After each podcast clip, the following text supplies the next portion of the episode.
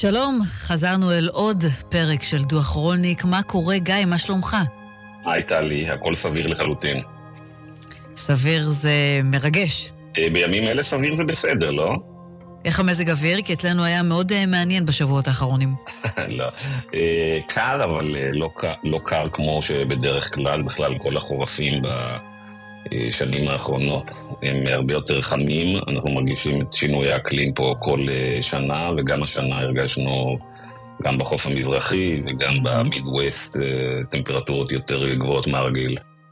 טוב, היה פרק קצת יוצא דופן אתמול. יוצא דופן, כן, היה לנו שלושה פרקים ראשונים שעסקו ברשתות החברתיות, עם זה בחרנו לפתוח את הסדרה, בגלל שלפי תפיסתנו ושיטתנו, כל מה שקורה היום בעולם, בפוליטיקה, בביטחון ובכלכלה, הוא נגזרת של מה שאנחנו מכנים המים האחורים שכולנו uh, שוחים בהם. אה, אבל עכשיו אנחנו חוזרים, אה, עכשיו אנחנו מתחילים ללכת לכל מיני תחומים בחיינו, והתחלנו עם הנושא של כמובן הביטחון והמודיעין, עם מה שקרה בשבעה אה, באוקטובר, שזה סרט כמובן של הבמאית והיוצרת שני חזיזה. יצאה לדרך עם הסרט הזה כבר לפני שנה, הרבה לפני שבעה באוקטובר, עם כל מיני תזות ורעיונות על כל מיני בעיות במערכת הביטחון.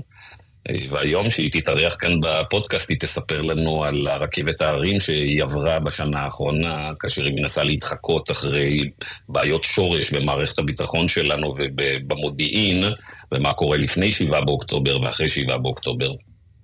אז קודם כל בוא נאמר לך, שלום, שלום שני, מה שלומך? בסדר גמור. Uh, תתקרבי קצת אל המיקרופון, ככה זה בביזנס הזה uh, שלנו. אז uh, למי שלא מכיר, את יכולה לספר לנו קצת על עצמך, על העבודה שלך בכל השנים הללו, העבודה העיתונאית, העבודה הדוקומנטרית? אז אני באה מעולמות התחקיר, אני חושבת שלפני כל דבר אני תחקירנית. הסיפורים שאני עושה, הסיפורים שאני מחפשת להתעסק בהם, יש בהם תמיד איזשהו אלמנט של תחקיר, של התחקות. לפעמים זה, הרבה פעמים זה ארוך טווח. אה, והדברים האחרונים שיצרתי זה רב הנסתר, סדרה דוקומנטרית שהביאה באמת אה, לפיצוח של שני אה, מקרי רצח, לכתבי אישום, למעצ... למעצרים ולכתבי אישום, סדרה פולארד, היום אני עובדת גם סדרה חדשה לתאגיד, והצטרפתי, אני מתארחת בתוכנית של רולניק בפרק, ש... בפרק הרביעי. איך, איך קרה החיבור הזה ביניכם? דרך העורך של התוכנית, אבי זילברברג, שהיה גם העורך שלי בעובדה, ודרך נשות התאגיד שאחראיות על התוכניות האלה.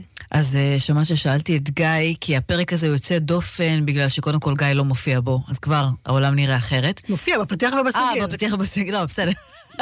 הוא מחוץ לחלק הדוקומנטרי עצמו, סליחה כן. גיא.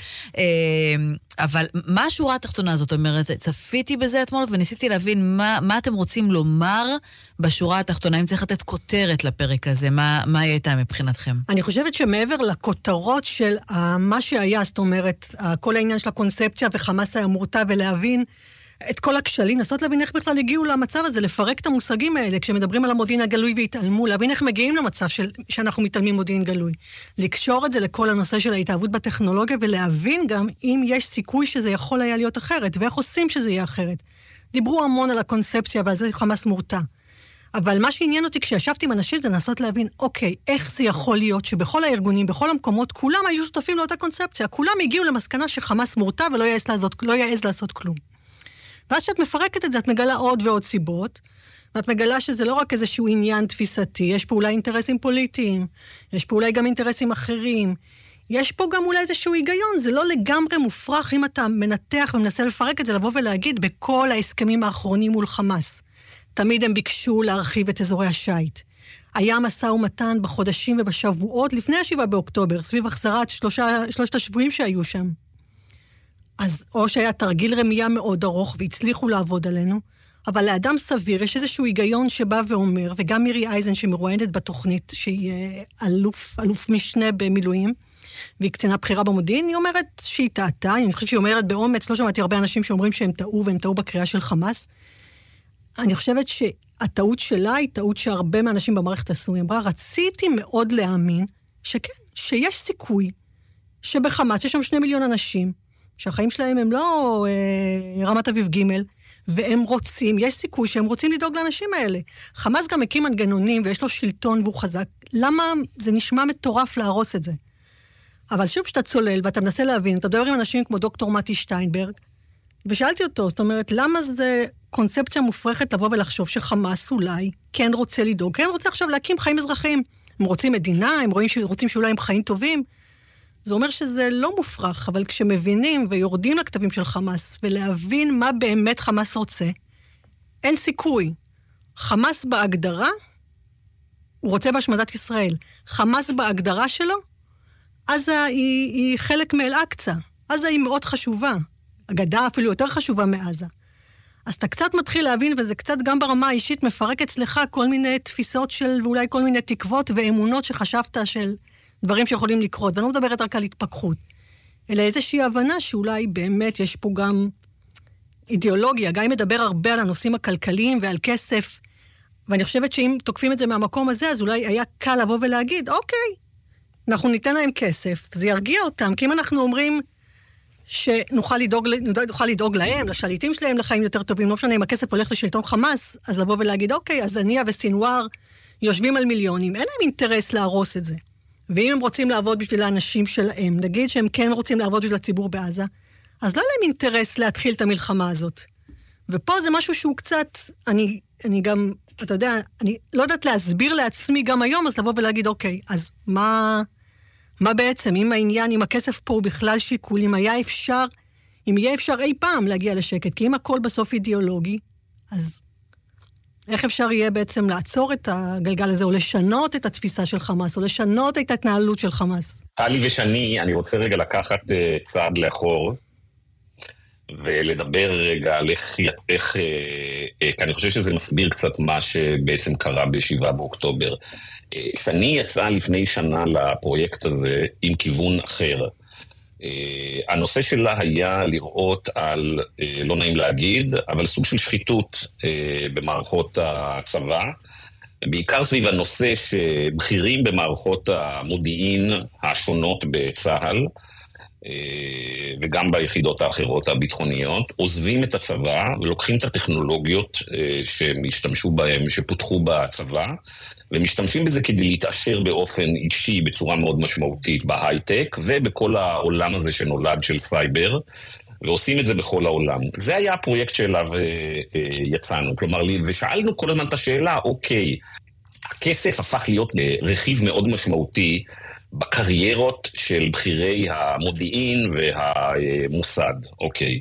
וכל הזמן שאלנו את עצמנו, אוקיי, אבל איך נסביר לצופים, אנחנו נראה כל מיני דוגמאות של כאלה שעושים כל מיני פעולויות של סייבר שחור בכל העולם, והיו לפני זה ב-8200, או היו לפני זה במוסד, וכל זה, אבל שאלנו כל הזמן, אוקיי, אבל איך נסביר לצופים מה הנזק שנגרם לנו, לאזרחי מדינת ישראל, וזה היה מסובך.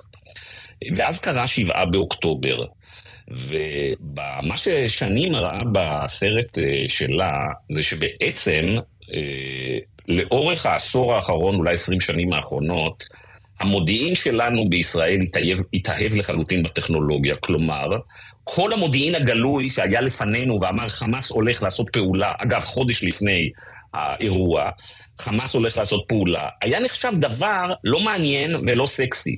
אחד מהמרואיינים שלה אומר שם, שאם אתה רוצה, אם אתה רצית בשנים האחרונות לבוא ולהגיע בכלל שהדרגים למעלה יקשיבו לך, אתה לא יכולת להגיד להם, תשמעו, עלה איזה סרטון שבו חמאס או מישהו אחר, לא משנה באיזה זירה, הולך לעשות משהו. אה, כי זה לא מעניין, זה מודיעין גלוי. תביא לנו משהו שהצלחת באמצעות הטכנולוגיה, קלטת איזה אותות באיזשהו אה, מקום.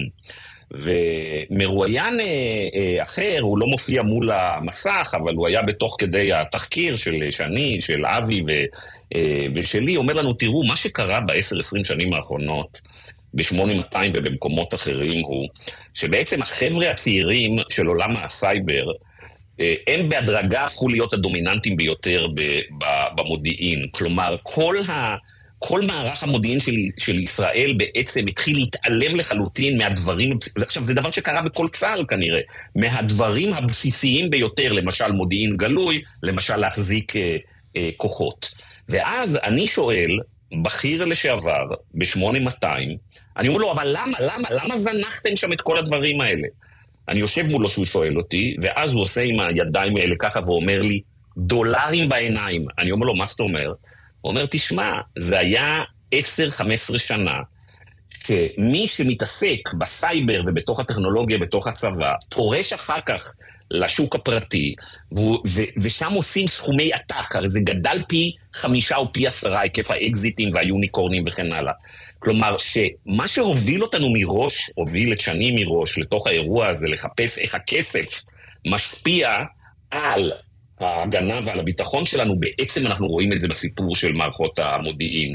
שבעצם ברגע שמתברר שהכסף הגדול הוא בסייבר ובדיגיטל, זה מסלול הקריירה המצליח של הטובים ביותר אה, בצה"ל, אז את ה basic אף אחד לא רוצה לעשות, עד כדי כך, כמו ששני מראה בסרט, שאת כל המחלקה בעצם של מודיעין גלוי בעצם חיסלו וסגרו. אבל אז, בהכרח אתה מסתכל על זה באופן מאוד נקודתי. מה שקרה בשבעה באוקטובר, מה שהוביל ספציפית לשבעה באוקטובר, ומה שקרה אחריו. אה, אני טיפה אאתגר את שניכם בעניין הזה. אני, קצת, נלך... חל... אני קצת חולקת על גיא, כי... אוקיי, זה תמיד טוב. אייזן, כשמירי אייזן למשל מדברת, אני, אני, אני קשה לי לבוא ולהגיד, היו פה אנשים שהאינטרס הכלכלי הוביל אותם, והם הלכו עם הדבר הזה, וזה מה שהביא לאירועי שבעה באוקטובר. אני חושבת שהאירוע הרבה יותר מורכב. כשמעדיפים את הטכנולוגיות המתקדמות, אומרת את זה מירי אייזן. כשאני שואלת אותה, היו את ההתראות, אנחנו מכירים את ההתראות של הנגדת ו', אנחנו מכירים את מה שאמרו הסמב"ציות, והתצפיתניות, והבלונאים, שעזבו מה רואים בבלון, ראו את הטרקטורונים של חמאס בתרגילים מתעופפים מעליהם, התקשרו הביתה וסיפרו, חמאס מארגן משהו גדול. וכשאני שואלת את, שואלת את מירי אייזן, איך, איך התעלמו מכל כך הרבה עדויות, מדברים שראו בעיניים? ואם זה בגלל שזה היה מודיעין גלוי, זלזלו בזה. אז היא אומרת שכן, זה, ש... זה, זה גם דברים שלעד יקרו. אמ"ן בשנים האחרונות משקיע המון כסף בטכנולוגיות מאוד מתקדמות.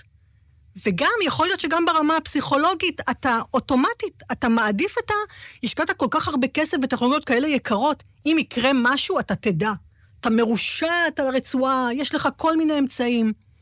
אז בסדר, אז תצפיתנית, וזה נאמר בזלזול מצד אנשים שדיברתי איתם בהרבה שיחות אוף רקורד לפני, כדי להבין באמת איך זה קרה. אבל מה שאת אומרת עכשיו לא סותר את מה שגיא אמר. אבל זה לא רק, זה לא עניין של כסף רק, זה לא עניין של מוטיבציה כלכלית של מי שעומדים בראש המערכת, אלא איזושהי תפיסה שבאה ואומרת, אנחנו משקיעים המון כסף, איזושהי יהירות גם, שאנחנו יודעים, יקרה משהו, אנחנו נדע, לא יפתיעו אותנו. אבל רגע, אז זה מה שהתחלתי להגיד קודם, אה, ואני לוקחת אתכם קצת אחורה, לא הרבה מאוד אחורה בזמן, שנים ספורות. דיברו כל הזמן, תושבי ישראל, גם בדרום ובטח בצפון, אנחנו שומעים קולות, אתם זוכרים את זה, גיא?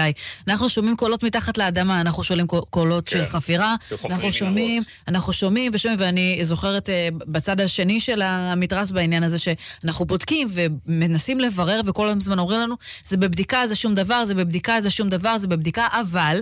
התברר שישראל ומערכות הביטחון והמודיעין שלה כן עבדו בכל הזמן הזה, וכן בדקו, וכן הדמימו את האירוע, ועבדו גם מול התקשורת בדבר הזה, וברגע האמת הלכו ופעלו ופיצצו ונטרלו אה, מפעל חיים של חיזבאללה שהיה עד לאותו רגע, של מיליארדים שהושקעו במנהרות שחדרו לשטח ישראל, וגם בעזה. עכשיו, עזבו רגע, תכף נדבר על, המכשול, על הכישלון של המכשול, שקרה אחר כך, אבל את הפרויקט הזה עם מנהרות שהגיעו לעומק שטח ישראל, הצליחו. לנטרל, בזכות אותו מודיעין. אז זה נכון, כשאתם מסתכלים על 7 באוקטובר, אני מבינה את המסקנות שאתם מסיקים, שנכון שהן חלקיות, נכון לנקודת הזמן הזו, עם המידע שיש בידינו כרגע, אבל אי אפשר לומר את זה באופן גורף, שצה"ל ויתר לחלוטין על עניין המודיעין הגלוי והשקיע רק בטכנולוגיות, וזה מה שגרם לנו להגיע לנקודה שהגענו אליה. אני חושבת שהדוגמה הכי מובהקת שאנחנו מביאים בפרק הזה, זה ב-25 באוגוסט, חודש וחצי לפני המתקפה, מתראיין סאלח אל-ערורי, סגן יושב ראש הלשכה המדינית של חמאס, מספר 2 בחמאס, אדם מאוד בכיר, בריאיון מאוד ארוך, בערוץ על מיידין, אה, ערוץ מאוד גדול בתקשורת הערבית. ופורס שם את משנתו ותוכניותיו של חמאס, ומספר על הצורך וההחלטה של ההנהגה לצאת למתקפה, הוא קורא לזה חרפ שמילה, מלחמה כוללת, כוללת נגד ישראל. וגם המראיין שואל אותו, והוא אומר לו, זה גם צריך לקרות בתקופת הזמן הקרובה. הוא מספר על זה שיש קרע בעם, אה, בגלל המאבקים על הרפורמה. הוא אפילו מדבר על זה שהצבא הישראלי העביר 30 גדודים לאיו"ש, ובעצם מסמן את הבטן הרכה בעזה, אומר אין כוחות בעזה. ומתי שטיינברג, דוקטור מתי שטיינברג, שהיה יועץ אה, לראשי ממשלה, היה יועץ אה, בשב"כ לענייני פלסטינים, מספר שהוא יושב מול הריאיון הזה ומול הסרטונים של חמאס, וברור לו שיושבים במערכת ורואים וצופים בזה. בדיעבד הוא מבין שכנראה לא היה מי שישב או ניתח. אפשר לבוא ולהגיד איך לא הקשבנו לתצפיתניות, ואיך לא הקשבנו לזה, ואיך לא שמענו למה שאמרה הנגדת. אבל יושב פה מספר שתיים בחמאס ואומר לכם מה הוא רוצה לעשות. לא מנתחים את חמאס. יגידו לך הרבה מאוד uh, קשבים של הטלוויזיות הערביות והרשתות הערביות, שהרבה בכירים כאלה ומסוגו יושבים ומדברים ומתרברבים שנים על מה הם רוצים לעשות ואיך הם רוצים לעשות לישראל וכמה הם רוצים. הוא לא הראשון ולא האחרון שעשה את זה. זה שהוא אמר את זה, והיום בדיעבד אנחנו מבינים שהייתה כוונה והכנה לפעולה בעקבות הדברים שלו. כולנו חכמים בדיעבד, אבל הוא לא הראשון ולא האחרון. זאת אומרת, צפיתי בזה, ראיתי, אבל אני אומרת לך שגם בצד השני אפשר לתת שורה של בכירים ומפקדים וסגנים של מפקדים שמדברים ומתרברבים ורוצים לעשות את מה שהם רוצים לעשות לישראל. זה לא בהכרח קורה. נכון, אבל אותו משקל אי אפשר להתעלם מכל דבר, כי על כל פרט מידע שיבוא, בסוף זה מידע מצטבר, כמו בתחקיר, זה העוד והעוד משהו, והנסיבות, וזה שאתה מבין שאולי החברה הישראלית באיזושהי נקודה שהיא קצת פחות, אה, אה, פחות חזקה, ואתה מבין את העיתוי, ואתה יודע שאין כוחות, ואתה רואה שרואים אותנו. כי נכון, תמיד יבואו אנשים ויגידו שהמטרה שלהם זה לחסל את ישראל, והחמאס יש לו כל מיני שאיפות ואמביציות כבר שנים. אבל זה קורה בנקודת זמן שהיא מאוד בעייתית. עכשיו, אם נבוא ולהגיד, אוקיי, אז אנחנו מתעלמים, ואולי הם עושים לנו הפוך על הפוך, ואולי זה שהם עשו, גם התרגילים על הגדר, היו המון הפגנות על הגדר, ויש תרגילים כבר שנים. אז למה בעצם לשים את ה... את יודעת, למה בעצם צריך עכשיו לשים לב למה שקורה? הכשלים פה, יש מספיק מחדלים הרי באסון הזה לכולם. אז הכשלים המודיעיניים מתחילים, זה, זה ברמות המון גופים נכשלו בו, שזו גם שאלה, איך כולם נכשלו? כן, אה, המודיעין הגלוי לא צריך טכנולוגיה מתקדמת עבורו, אוקיי? אין בו יוקרה, זה מאוד בייסיק. אה, אה, ומה שקרה לאורך ה-10-20 שנים האחרונות, שהמודיעין הגלוי הפך להיות דבר שפחות או יותר אה, בזים לו. מופיע שם אחד המרואיינים של, אה, של שני בסדרה, זה מי שהקים את היחידה הזאת של המודיעין הגלוי ועמד בראשה הרבה שנים. אה, תת-אלוף אפרים לפיד. תת-אלוף במילואים אה, אפרים, אפרים לפיד, ובעצם בזים לדבר הזה. ואנשים בתוך 8200, לי אומרים, אנשים שעזבו את 8200, אני רוצה לדייק, לי אומרים, תשמע, כולם רצו להיות רק בזירה הטכנולוגית, מלמטה ועד למעלה. בין השאר הוא מספר לי דבר די מדהים, הוא אומר לי, תשמע, ככל שאנשים גם יותר בכירים באמ"ן, הם פחות קרובים לחזית הטכנולוגית. והם עומדים, בעצם הכפיפים שלהם הרבה יותר מבינים והרבה יותר דומיננטיים, כמה שאתה יותר צעיר, אתה יותר בחזית הזאת, אתה רגע אחד ב-8200, ברגע השני אתה כבר מקים יוניקורן בשווי של מיליארד אה, דולר. אז הייתה אפילו טרמין כזאת, סוג של התבטלות סביב האנשים האלה. ולאט לאט התרבות של החילות האלה, הן של המוסד והן של המודיעין, ואולי גם בשב"כ, השתנתה. שפחות ויותר מסתכלים על הדברים ה basic שעשינו אותם מאז קום המדינה, ויותר ויותר אומרים, הטכנולוגיה היא הפתרון לכל דבר. ואני חושב שזה מה שהוביל אותנו בסופו של דבר ל-7 באוקטובר. ש, אה, שעליה, מדבר, שעליה מדברים מרואיינים אחרים, עליה מדבר אה, גדי שמני ומרואיינים אחרים, היא שבעצם זה הכל מתחיל מ, אה, מלמעלה. נתניהו בעצם דוחף מזה 15 שנה את הרעיון שחמאס הוא נכס, ובסופו של דבר מבינים שרי ביטחון ורמטכ"לים וראשי אמ"ן לדורותיהם, שזאת הקונספציה היום שמדינת ישראל פועלת לפיה, זה מגיע מלמעלה למטה, כמובן נתניהו יודע אה, לשווק את זה. ובסופו של דבר, יש גם עניין שמי שמתקדם בצבא צריך לאמץ את הקונספציה הזאת. והוא צריך לאמץ אותה והוא צריך לפעול אותה. כלומר, אנשים מבינים שאימוץ הקונספציה שחמאס הוא נכס, זה בעצם תנאי הכרחי כדי להיות בצמרת מערכות הביטחון הישראליות. אוקיי, okay, אבל רגע, גם גיא ושני, עדיין לא הצלחתם לענות על השאלה ששאלתי אתכם עוד קודם. הרי אם נשים לרגע בצד את הטכנולוגיות המתקדמות ואת המודיעין הגלוי, אפילו אפשר לקרוא לזה מודיעין, הכתובת הייתה על הקיר ממש, פיזית. זאת אומרת, היו תרגילים, היו כוונות, היו ראיונות לתקשורת הערבית, זה היה שם בחוץ. זאת אומרת, אף אחד לא לקח בסופו של דבר את כל החומרים, שוב פעם, לא מודיעין, שהיו שם ואמר, אוקיי, משהו קורה. אף אחד לא חיבר את זה לזה שאנחנו ישבנו במשך חודשים באולפנים ואמרנו לקראת החגים, לקראת ספטמבר, הכוננות עולה, הדריכות עולה, יש, יש, הייתה הבנה שמשהו מתרחש, היו דיווחים, לא, לא היינו צריכים לדבר, אתה יודע, לא היה צריך לעשות טלפון ל-8200 כדי לדעת שמשהו קורה, והשטח רוכש ובוחש כמדי שנה, אבל במיוחד היה משהו אחר בשנה הזאת. אז השאלה שאני מחזירה אליכם בעניין הזה, עם הפרק הזה ש, ששודר עכשיו, היא, היא, מה אתם מספרים לנו, מה אתם מגלים שלא ידענו קודם? הרי אי אפשר להאשים, גיא, רק את זה שהצבא היה עסוק בטכנולוגיה והזניח את המודיעין הגלוי. הרי בסופו של דבר יש מפקדים, יש אנשים בשטח שבסך הכל צריכים לבוא ולהגיד, משהו קורה וזה לא דבר רגיל, בואו נפעל. קודם כל ברמה השטח בהתנהלות, ויגידו לך את זה, ואנחנו שוב שומעים את זה. אה, אנחנו, הכל קורה ממש בסמוך לאירועי ה-50 שנה למלחמת יום הכיפורים, שהמילה קונספציה מרחפת באוויר ובאולפנים, וכולם כל הזמן מדברים על איך טעינו ואיך אסור להיות שבויים בקונספציה, ואיך עומד גלנט ואומר, לא משנה מה תמונת המודיעין, כוחות צריכים להיות על הקרקע. זאת גם שאלה, גם זה לא קרה. הרי אז אוקיי, אם את צריכה, אם את צריכה לחדד לנו את העניין הזה, מה הייתה ממה שאת מבינה עכשיו, אחרי ששאלת את השאלות האלה, ואחרי שקיבלת את התשובות שקיבלת, מה הייתה הקונספציה, אם את צריכה ממש לחדד ולהגדיר אותה במשפט? שחמאס מורתע.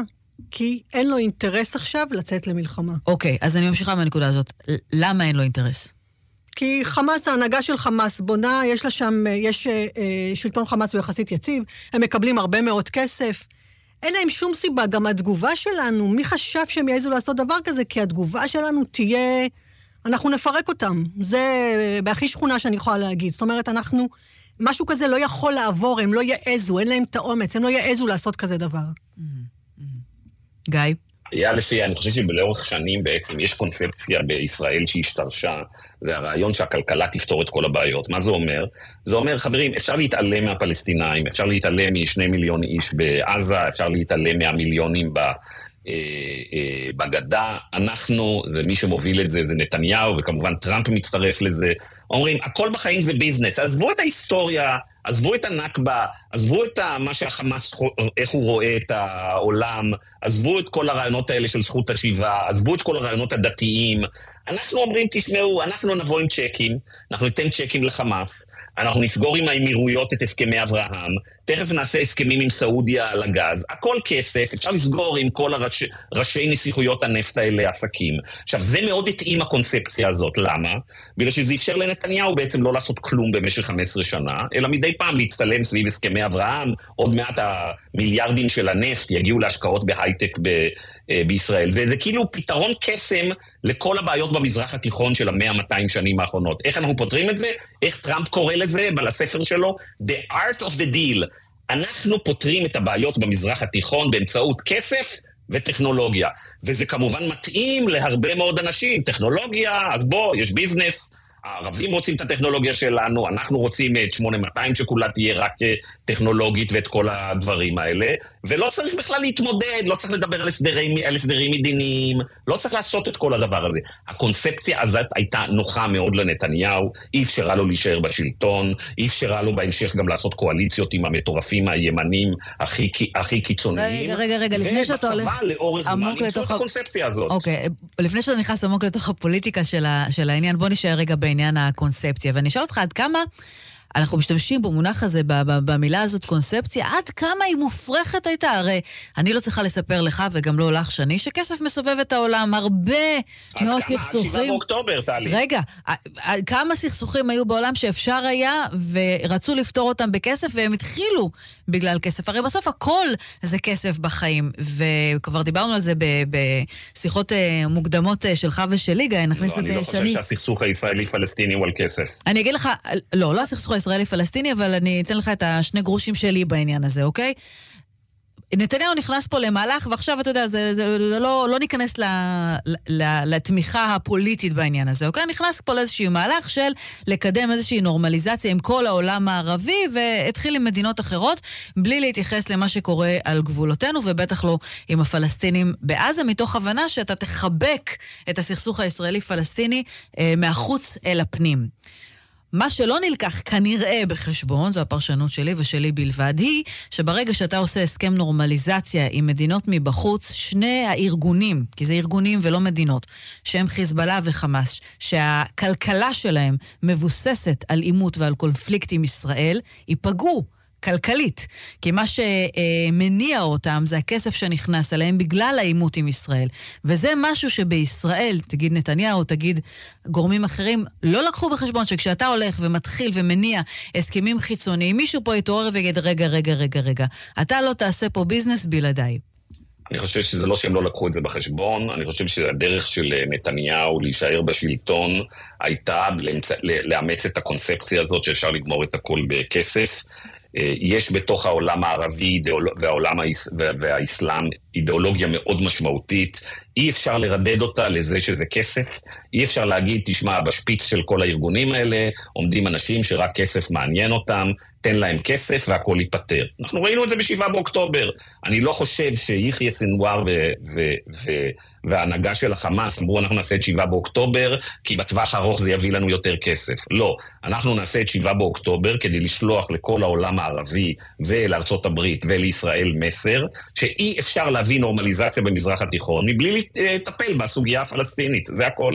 ולא חושב שאפשר לייחס את זה לאיזה אינטרסים כלכליים.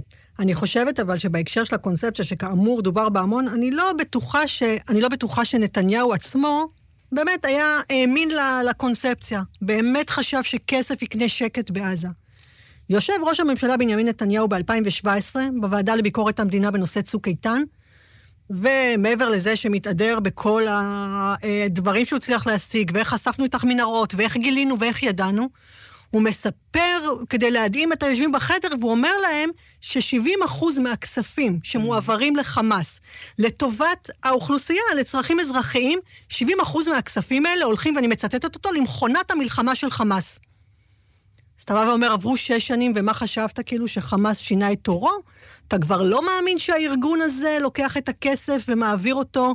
אני חושבת שזה בעיקר מחשבה של אה, למה לא לדחות אה, למחרתיים, למחר את מה שאפשר לדחות למחרתיים. כן, אבל כשהוא אומר לך, אבל כשהוא אומר לך ב-2017 ש-70% מהכסף, הוא יודע, הוא מתריע, 70% מהכסף שמעבירים לחמאס לצרכים אזרחיים הולך למכונת, המלחמה. אבל אז יש שם נקודה נורא יפה בפרק, שמשודר, אני לא זוכרת מי אומר, אה, שזו נקודה מעניינת, שהוא אומר, ההבנה הזאת של מנהיג שצריך לפעול כדי לעצור את המכונה הזו, הוא גם מבין שבקצה של התובנה הזו הוא יצטרך לפעול. וברגע שהוא יפעל, הוא יתחיל משהו שהוא לא יודע איך הוא יסתיים, וזה בהכרח... לא רק הוא, גם צה"ל. בדיוק ישפיע על השלטון שלו. לשמור על הסטטוס קוו, אנחנו מכירים את זה מהרבה אזורים אחרים בתהליכים של קבלת החלטות, שעדיף להישאר באיזשהו קיפאון, לא לעשות שום דבר, כי ימינה-שמאלה, אתה לא יודע לאן זה ייקח אותך. על האינטרסים הפוליטיים עוד אפשר להרחיב ולדבר. גיא, אתה רוצה לקחת את זה? כן, לא, בהחלט, האינטרס הפוליטי הוא uh, ברור. נתניהו מכר לציבור בישראל איזה קונספט ב-15 שנים האחרונות, שהפלסטינאים אפשר להתעלם מהם. אין דבר כזה פלסטינאים, אפשר להתעלם מהם, הכל יהיה בסדר. אנחנו, תמיד יש לו את הקטע הזה שאנחנו הורינו שלא צריך לתת, אפשר רק ל, uh, לקחת. והאסון הוא שמתואר בסרט של, uh, של שני, הוא שהקונספציה הזאת בסופו של דבר, גם יריביו של נתניהו, צריך לשים לב, אוקיי? גם יריביו של אה, נתניהו בסופו של דבר מתרגלים לקונספציה הזאת ואומרים, אפשר באמת ליצור פה במזרח התיכון סיטואציה שבה אנחנו לא מטפלים בבעיה הפלסטינאית והכל, וממשיכים לחיות את חיי השגשוג של מדינת ישראל. יש לנו start-up nation בתל אביב עם תוצר לנפש, אני לא יודע מה, של 100 אלף דולר בשנה. יש לנו את עזה, עם תוצר לנפש, אני לא יודע מה, של אלף דולר לשנה, המרחק של 65 קילומטר ביניהם, וזה דבר שאפשר לשמור עליו לאורך זמן. זה היה נוח לכולם, הן לדרג הפוליטי והן לדרג הצבאי. שני, אם את צריכה לסכם את המסקנות שלך מהפרק הזה. אני חושבת שיש הרבה יותר שאלות, ואני חושבת שאם יש פה גם דאגה אמיתית שעולה מהסרט, שאני לא בטוחה שלא נחזור על אותה טעות. אותה טעות לא נעשה, אבל טעות אחרת. זאת אומרת, נתכונן לתרחיש הזה. אבל השאלה אם לתרחיש אחר, כי כל אנשי המודיעין שאנחנו מדברים איתם, מדברים על הקושי של אנשי מודיעין לצפות או להיערך לתרחיש שעוד לא קרה. כשאומרים לנגדת זה תרחיש דמיוני, שהיא רואה ומספרת על מה שקרה, מה זה דמיוני? זה דמיוני כי זה עוד לא קרה, זה משהו שקשה לצפות. אז אני לא בטוחה, ואני חושבת, ואומרת את זה גם אה, אחת המרואיינות, שוב, היא קצינת מודיעין בכירה, שאני לא בטוחה שהמערכת, שאנשים, זה משהו שהוא גם, את יודעת, זה, זה בהתנהלות אנושית, עזבי אם את אה, אשת מודיעין או לא. על הדעת להיות ערוך לתרחיש שלא קרה לך, על הדעת כל הזמן תרחישים מופרכים. אף אחד לא צפה את ה-11 בספטמבר, ואף אחד לא צפה את ה-7 באוקטובר. והעניין הזה של מה אתה עושה כדי שלא יפתיעו אותך שוב, יפתיעו אותך בדרך שאתה לא מוכן אליה, שלא נערכת אליה, של תרחיש שלא כתבת. יש פה גם את האלמנט הפסיכולוגי של להיות זה המשוגע שבא ומתריע ואומר את הלא מובן מאליו בלי לפחד מה יגידו עליי. כן, גיא. כן, אה, יכול להיות שקודם כל יהיו אתגרים גדולים מאוד אה, מודיעיניים ותצטרך להיות הסקת אה, מסקנות מאוד קשה בצבא, אבל בסופו של דבר השני מיליון פלסטינאים בעזה ובגדה, והמיליונים בגדה לא הולכים לשום מקום. והרעיון הזה שאיכשהו הם יתפוגגו ואנחנו, הכל יהיה על הכיפאק, זה הרעיון שניסו למכור לנו פה ב-15 שנים האחרונות, והתוצאות הן 7 באוקטובר, שמדינת ישראל, לא רק שהיא יורדת על הברכיים, אלא בשבוע, שבועיים הראשונים אחרי המלחמה, יש אפילו חשש ממתקפה מכמה חזיתות, ואני זוכר את הבוקר הזה כמה ימים אחרי המתקפה, שבניו יורק טיימס, העיתון שכל מקבלי ההחלטות בעולם קוראים אותו, יש כותרת שישראל נאבקת על קיומה. כן, שנת 2023, נתניהו מר ביטחון 15 שנים בשלטון, ובעולם אומרים אולי ישראל תחדל להתקיים. ואני חושב שהמסקנה מהדבר הזה היא מאוד uh, פשוטה. כל הרעיונות האלה שנעשים עוד מודיעין ועוד צבא, זה לא יעזור לנו. יש שם מיליונים שם, יש מיליונים סביבנו, אנחנו נמצאים בתוך המזרח התיכון. הפתרון היחיד הוא פתרון של הסדר מדיני. אף פוליטיקאי לא רוצה להגיד את זה עכשיו, בגלל שאנחנו כולנו שטופי נקמה. אחרי אירועי שבעה באוקטובר, כל המדינה מימין, שמאל ומהמרכז, אף פוליטיקאי לא רוצה להגיד לציבור את האמת, שאנחנו חייבים ללכת ולמצוא הסדרים אה, מדיניים, כי היכולת של צה"ל להגן עלינו בתוך הסביבה הזאת, וגם ראינו שברגע האמת, ביידן מבין שאנחנו... אה, עם הגב אל הקיר, והוא שולח לנו את נושאות המטוסים. וחלק מההסדר המדיני הוא קריטי בגלל שאנחנו צריכים את התמיכה של ארה"ב, שבלי התמיכה של ארה"ב, היכולת שלנו לשרוד פה במזרח התיכון הוא מאוד נמוכה. מבחינתי, המסקנה של הסרט של אה, שני, זה לא רק איך הטכנולוג... מה עשתה הטכנולוגיה לאמן, אלא שברור שאנחנו צריכים ללכת להסדר מדיני כלשהו, בלי אופק מדיני. אף ממשלה לא תוכל לפתור את הכשלים שהביאו ל-7 באוקטובר. אוקיי, okay. שני, תודה רבה שלקחת איתנו אה, חלק, לקחת חלק בהסכת הזה. תודה רבה, טלי.